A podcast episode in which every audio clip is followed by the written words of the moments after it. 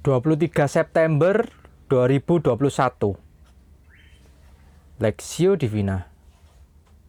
Lukas 4 ayat 28 sampai 30 Mendengar itu sangat marahlah semua orang yang di rumah ibadat itu. Mereka bangun lalu menghalau Yesus keluar kota dan membawa dia ke tebing gunung. Tempat kota itu terletak untuk melemparkan dia dari tebing itu tetapi ia berjalan lewat dari tengah-tengah mereka, lalu pergi.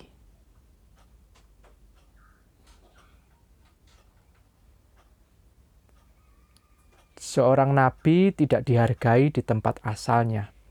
Perspektif.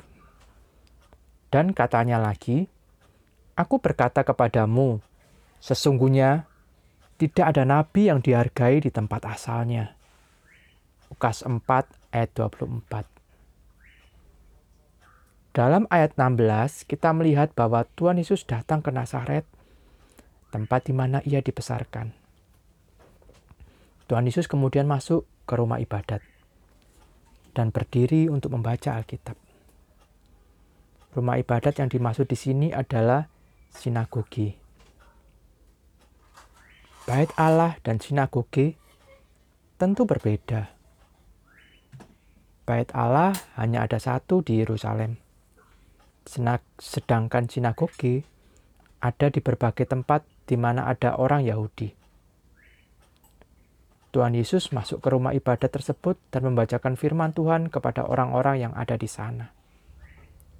Selanjutnya, setelah Tuhan Yesus membaca nas tersebut, ia mengatakan bahwa pada hari itu genaplah nas ini. Sewaktu mereka mendengarnya, Akan tetapi, orang-orang yang mendengarnya tidak fokus apa yang Tuhan Yesus beritakan. Mereka justru berfokus kepada latar belakang Tuhan Yesus yang adalah anak dari Yusuf.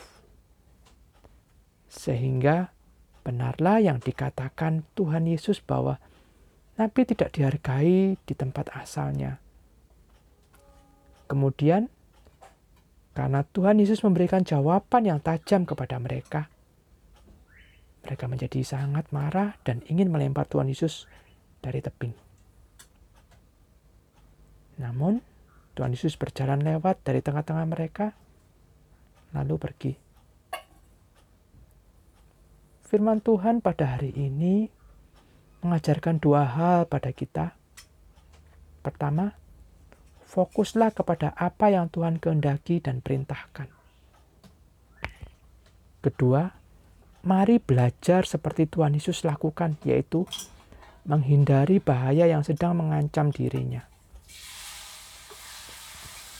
Ketika keadaan bahaya mengancam kita, bersegeralah menghindarinya. Jangan memaksakan kehendak jika tidak memungkinkan untuk dilakukan Mengalah bukan berarti kalah.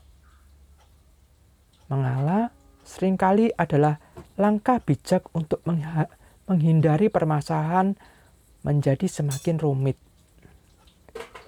Karena itu, marilah kita mengambil komitmen pada hari ini untuk berfokus pada Tuhan dan menjadi orang percaya yang menghindari terjadinya konflik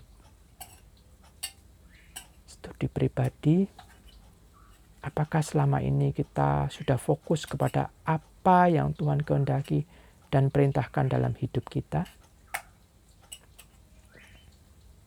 Apakah selama ini kita sering memaksakan kehendak sehingga permasalahan menjadi semakin sulit? Pokok doa, berdoalah agar kita tetap setia untuk berfokus kepada apa yang Tuhan kehendaki dan miliki hati yang mau rendah hati untuk tidak selalu memaksakan kehendak.